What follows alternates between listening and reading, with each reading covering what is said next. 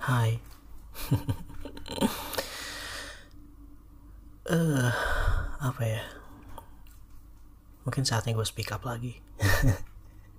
speak up buat podcast.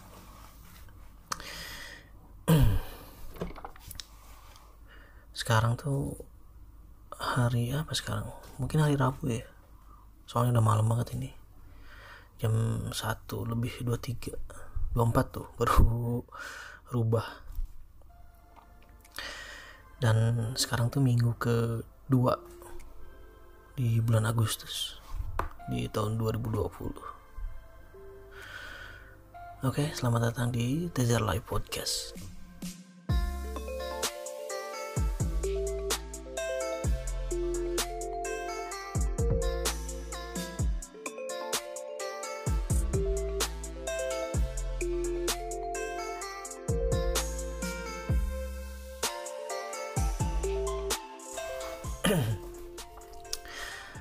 Oke.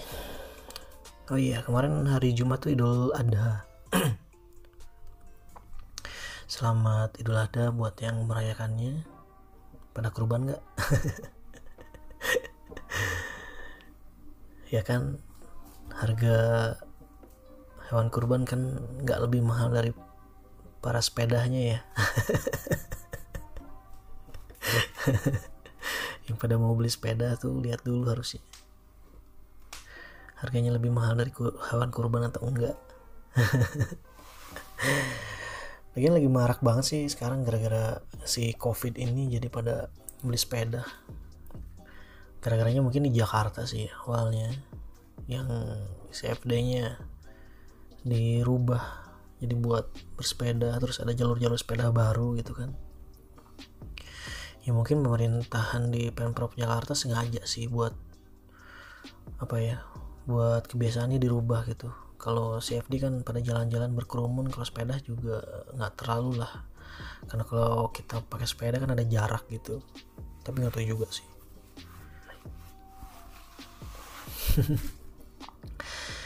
Gak banyak yang pengen gue speak up di sini sih. Cuman ya kepikiran aja gitu. Kepikiran hal-hal yang gue pikirin gue lihat sehari-hari terus gue alamin beberapa waktu ini. Yang paling uh, pengen gue bahas sebenarnya itu sekolah daring. Daring tau daring nggak? Daring itu sebenarnya online. Jadi bukan apa ada yang bilang kan gue sekolah daring online itu online sama daring itu sama-sama aja. Itu bahasa Indonesia nya jadi kalau daring itu dalam jaringan dalam jaringan itu kalau di bahasa Inggrisnya jadi online gitu kan. Kalau luar jaringan itu luring itu offline berarti. Sama aja sih cuman beda di bahasa aja. Itu bahasa bakunya ke bahasa Indonesia. Bahkan di istilah uh, eh, IT gitu ada hal yang lebih aneh sebenarnya. Kayak server. Server di bahasa komputernya atau bahasa bakunya bukan bahasa komputer ya bahasa bakunya bahasa Indonesia itu namanya Paladen. Gue juga pas waktu denger itu aneh banget. Kenapa jadi Paladen sih? Dan gue belum baca secara apa ya secara gini lah di kamus KBBI itu Paladen itu maksudnya apa itu.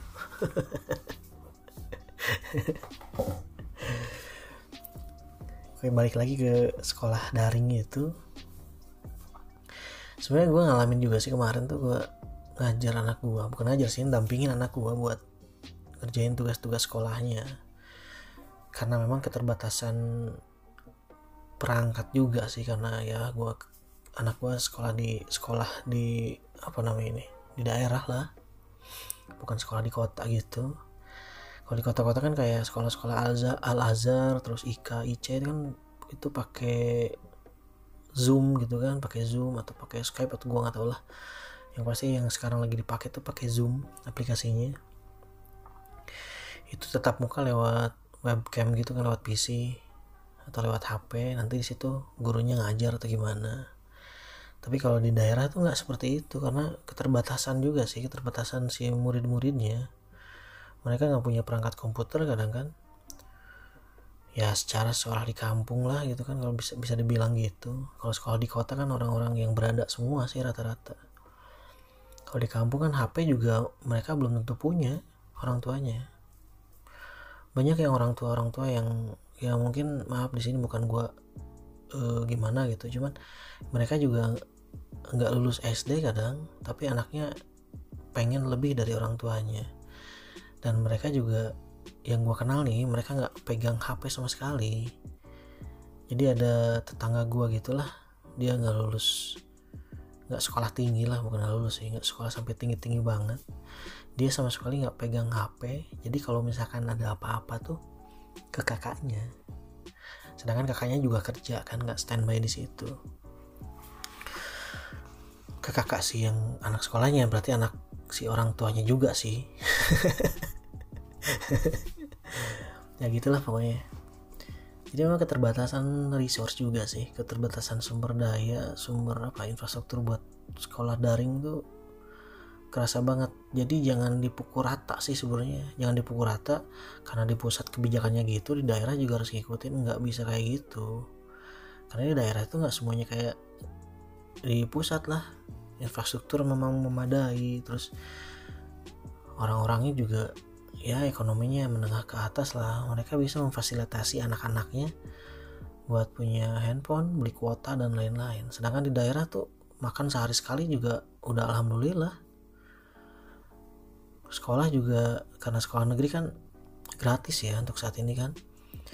Ya mereka juga ada bersyukur banget ada sekolah gratis gitu digratiskan oleh pemerintah. Jangan dibebankan lagi dengan hal yang harus sekolah daring seperti itu perangkat-perangkatnya yang memang harus ada. Makanya anak gua juga itu materi-materinya by WA gitu kan. Ada WA grup gitu. Terus nanti dikasih materi bentuknya apalah PDF atau chat gitu. Nanti kerjain gitu kan. Buku-buku temanya dikasih juga sih buku-buku paketnya gitu.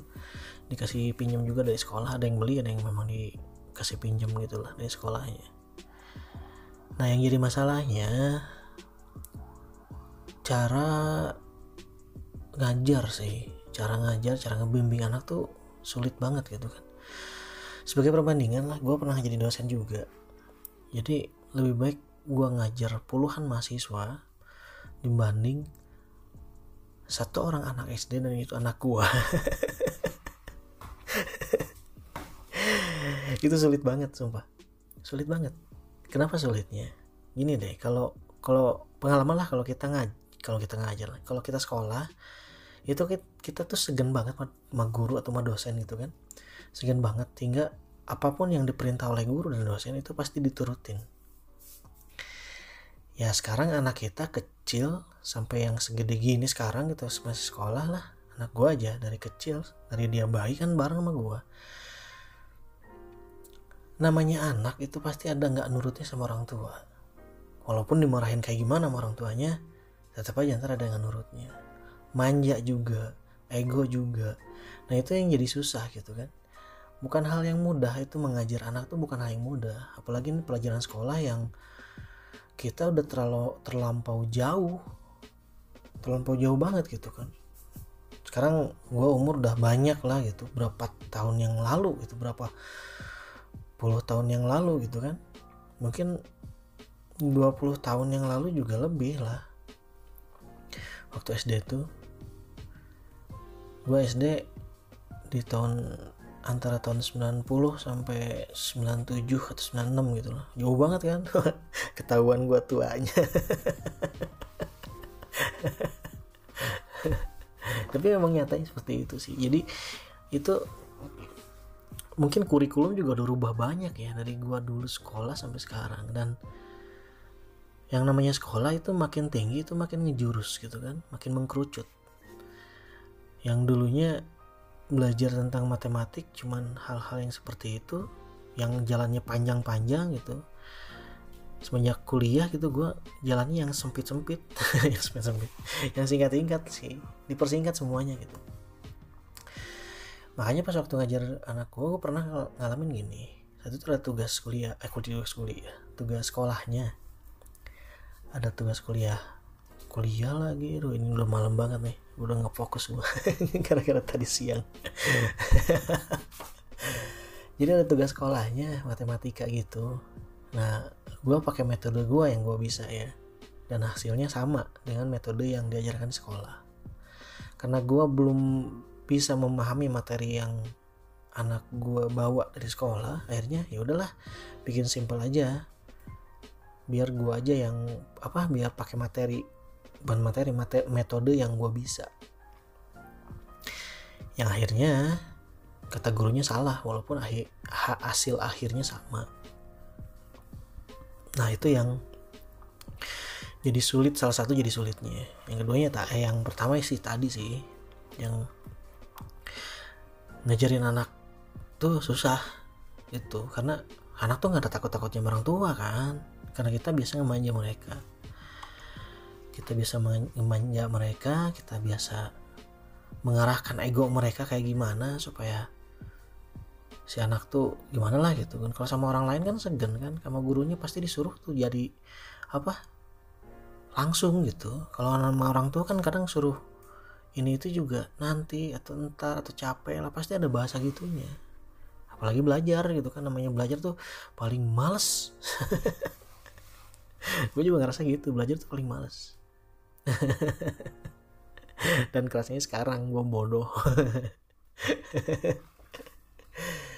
Nah itulah resiko sekolah daring tuh kayak gitu sih. Jadi akhirnya ya sulit sulit juga sih ya di masa pandemi sekarang. Tapi yang jadi anehnya yang masih gue pikirin tuh kenapa tempat hiburan kayak tempat rekreasi itu udah pada dibuka? Mau mau pada dibuka tapi sekolah enggak. Memang mungkin takutnya apa ya takutnya coba-coba. Jadi ajang coba-coba gitu sekolah dibuka. Terus takut ada tertular juga karena kalau anak SD kan memang agak sus susah untuk diatur ya belum bukan susah sih belum bisa diatur secara tegas gitu. Mungkin nggak bisa social distancing atau protokol kesehatan lah yang sekarang berlaku gitu kan belum belum tentu mereka bisa paham gitu. Yang ada ya namanya anak-anak ya main-main aja gitu nggak ada social distancing nggak ada physical distancing nggak ada. Kadang cuci petangan juga buat makan lupa gitu main makan makan aja meminum gitu kan. Cuman dalam hal ini juga kita perlu cek juga lihat tempat-tempat hiburan mall dibuka gitu kan. Kadang-kadang gue ngeliat juga anak-anak sekolah ya usia sekolah lah pada ke sana gitu. Justru itu lebih riskan juga sih sebenarnya. Tapi memang ada solusi lain sih walaupun ada yang ngelaporin juga. Karena memang katanya dilarang untuk tetap muka. Tapi mau gimana lagi? Toh kita nggak bisa ngajarin anak secara maksimal ya dalam hal ini kan gue kerja istri gue juga kerja. Anak gue belajar sama siapa gitu kan. Kalau guru memang kerjanya ngajar anak-anak mungkin lebih fokus. Kalau gue kan udah ke mana-mana. Bukan gue nggak mau ngajarin anak bukan. Cuman gue masih bingung gitu. Secara pendidikan gue kan lebih ke hal yang sama dengan bidang kerjaan gue kalau guru ya memang mungkin ada apa fakultas PGSD atau jurusan PGSD gitu ya mereka paham cara ngajar anak tuh kayak gimana. Ya itulah walaupun kita udah ngerasain sekolah dari SD SMP SMA kuliah tapi belum tentu kita paham buat kita ngajar orang gitu ngajar anak atau ngajar siapa pun itu. Berbeda dengan apa ya dengan mahasiswa sih. Soalnya kalau mahasiswa itu dituntut untuk berpikir kritis gitu. Jadi kita cuma ngasih umpan ada uh, umpan aja nanti ada feedback dari mereka gitu kan? Kita ngasih masalah nih ngasih masalah ke mahasiswa. Nih kerjain tugas ini ini ini. Nah mereka lebih langsung bisa paham gitu walaupun tidak diterangkan secara detail oleh dosennya. Berbeda dengan anak SD atau SMP atau SMA mereka harus harus apa ya?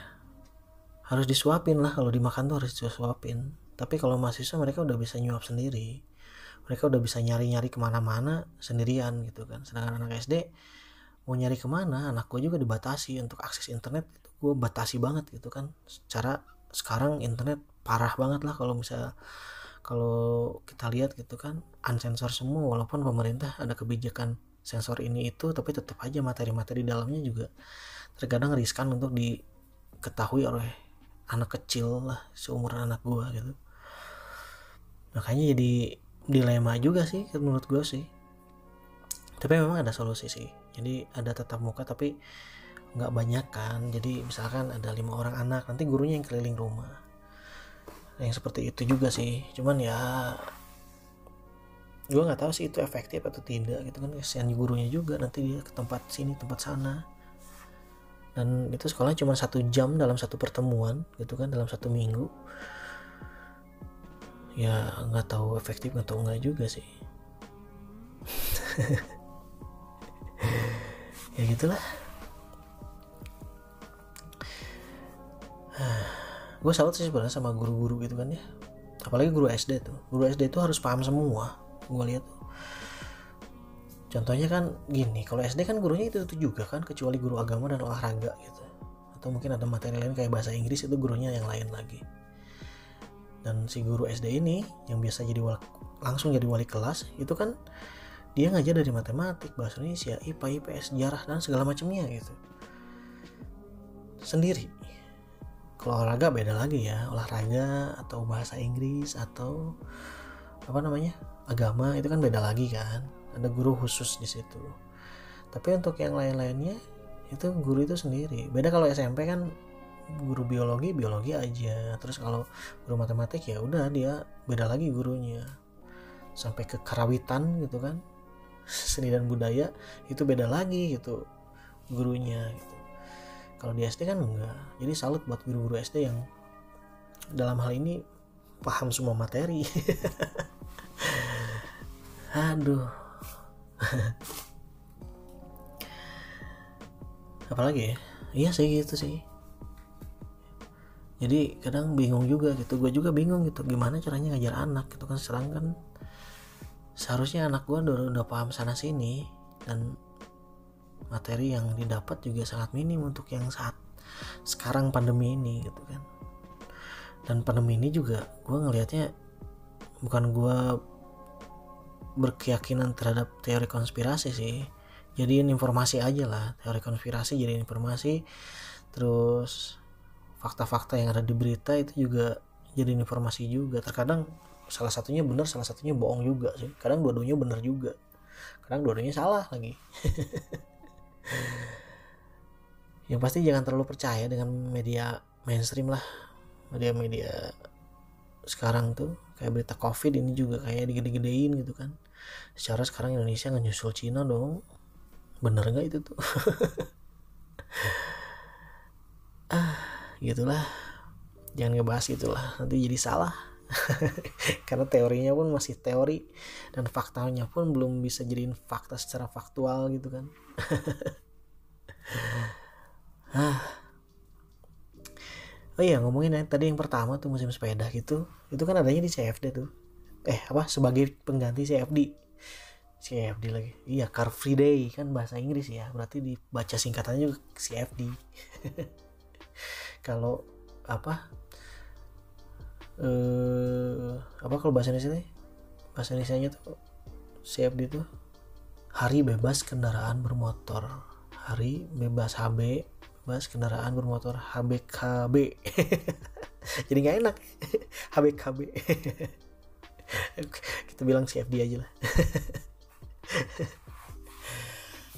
Iya, ya tadi gue bahas tentang CFD anjir CFD jadi CFD itu di Jakarta kan diganti sekarang jadi pakai bersepeda gitu karena memang Anies Baswedan juga dia akhirnya bersepeda juga gitu kan.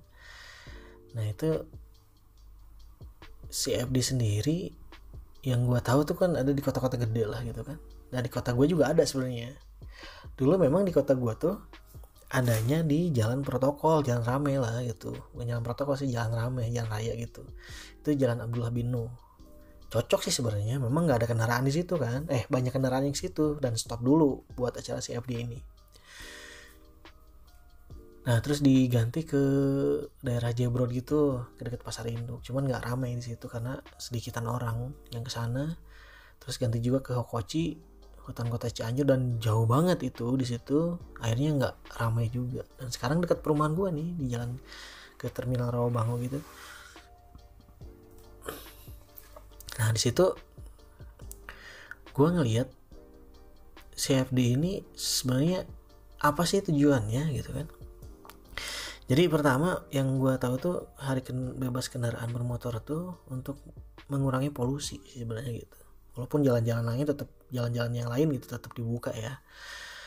Cuman ya sedikit mungkin mengurangi sedikit banget mengurangi polusi udara. Terus di situ juga buat masyarakat bisa jalan-jalan mungkin di jalan protokol gitu. Secara di Jakarta kan di Sudirman atau di Tamrin gitu kan itu jalan yang sangat ramai sekali hari-hari biasanya. Dan itu di stop kendaraan ke situ buat ajang olahraga atau jalan santai atau apa pun itu tapi makna pun berubah maknanya pun berubah sih seiring dengan waktu berjalan.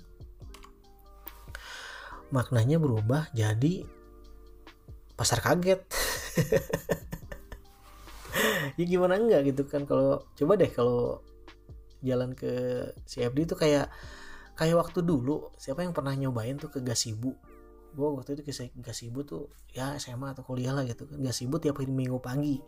Kan di situ banyak jajanan gitu kan banyak pedagang-pedagang baju juga banyak pedagang makanan bahkan pedagang-pedagang apa aksesoris pernak-pernik itulah banyak. Nah sekarang CFD di kota gue di Cianjur itu juga sama kayak gitu.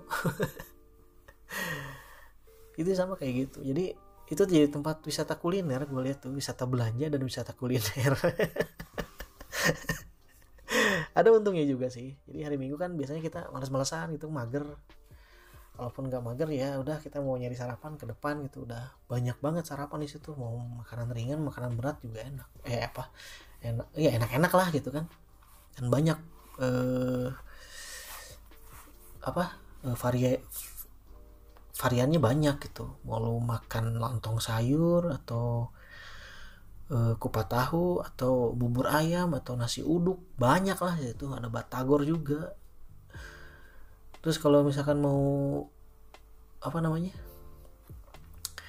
mau belanja baju juga banyak. Ada baju-baju sampai daleman juga ada gitu kan. Baju renang juga ada. Ya banyak lah baju-baju bekas ekspor gitu kan bekas impor juga banyak banget sisa impor sisa ekspor gitu. Banyak juga sih. Bahkan kalau misalkan mau beli hamster juga ada beli pulsa juga ada. Banyak banget lah asli kalau kita ke CFD itu jadi sebenarnya bukan jadi CFD sih tapi jadi pasar kaget gue lihat tuh. Keuntungannya ada sih. Ya masyarakat masyarakat sini juga mereka bisa jualan.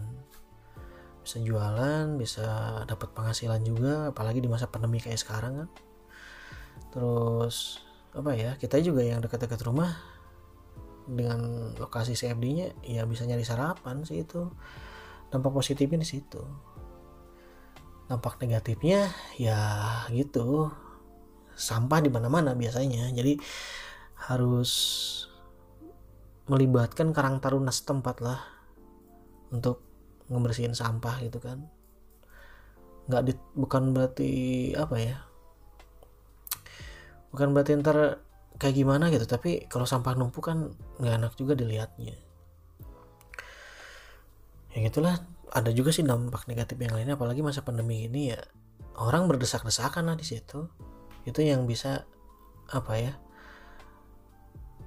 kalau dalam hal ini ya bisa jadi ajang penularan lah. Apalagi ada yang nggak masyarakat kan ada yang nggak pakai masker juga cuek-cuek aja gitu kan. Nah itu saking berdesakan banyak orang. Oh itu pasti kadang gue kalau lihat nih ya lihat ke sana gitu oh, ada yang dananya menor banget. Kayak mau ke mall aja mall pinggir jalan. Emang pinggir jalan kan mall kan? Tapi tidak terbuka. Ada yang seperti itu itu niatnya mau ngapain sih? Itu mau mejeng atau apa? Atau jalan-jalan tuh gimana gitu? Ah tau lah. Tapi ada juga yang memang dia kadang bawa sepeda atau dia pakai setelan lari gitu kan ada yang seperti itu. Tapi lu lari-lari jauh-jauh gitu bakar lemak eh makannya berat banget. Lontong sayur dua porsi.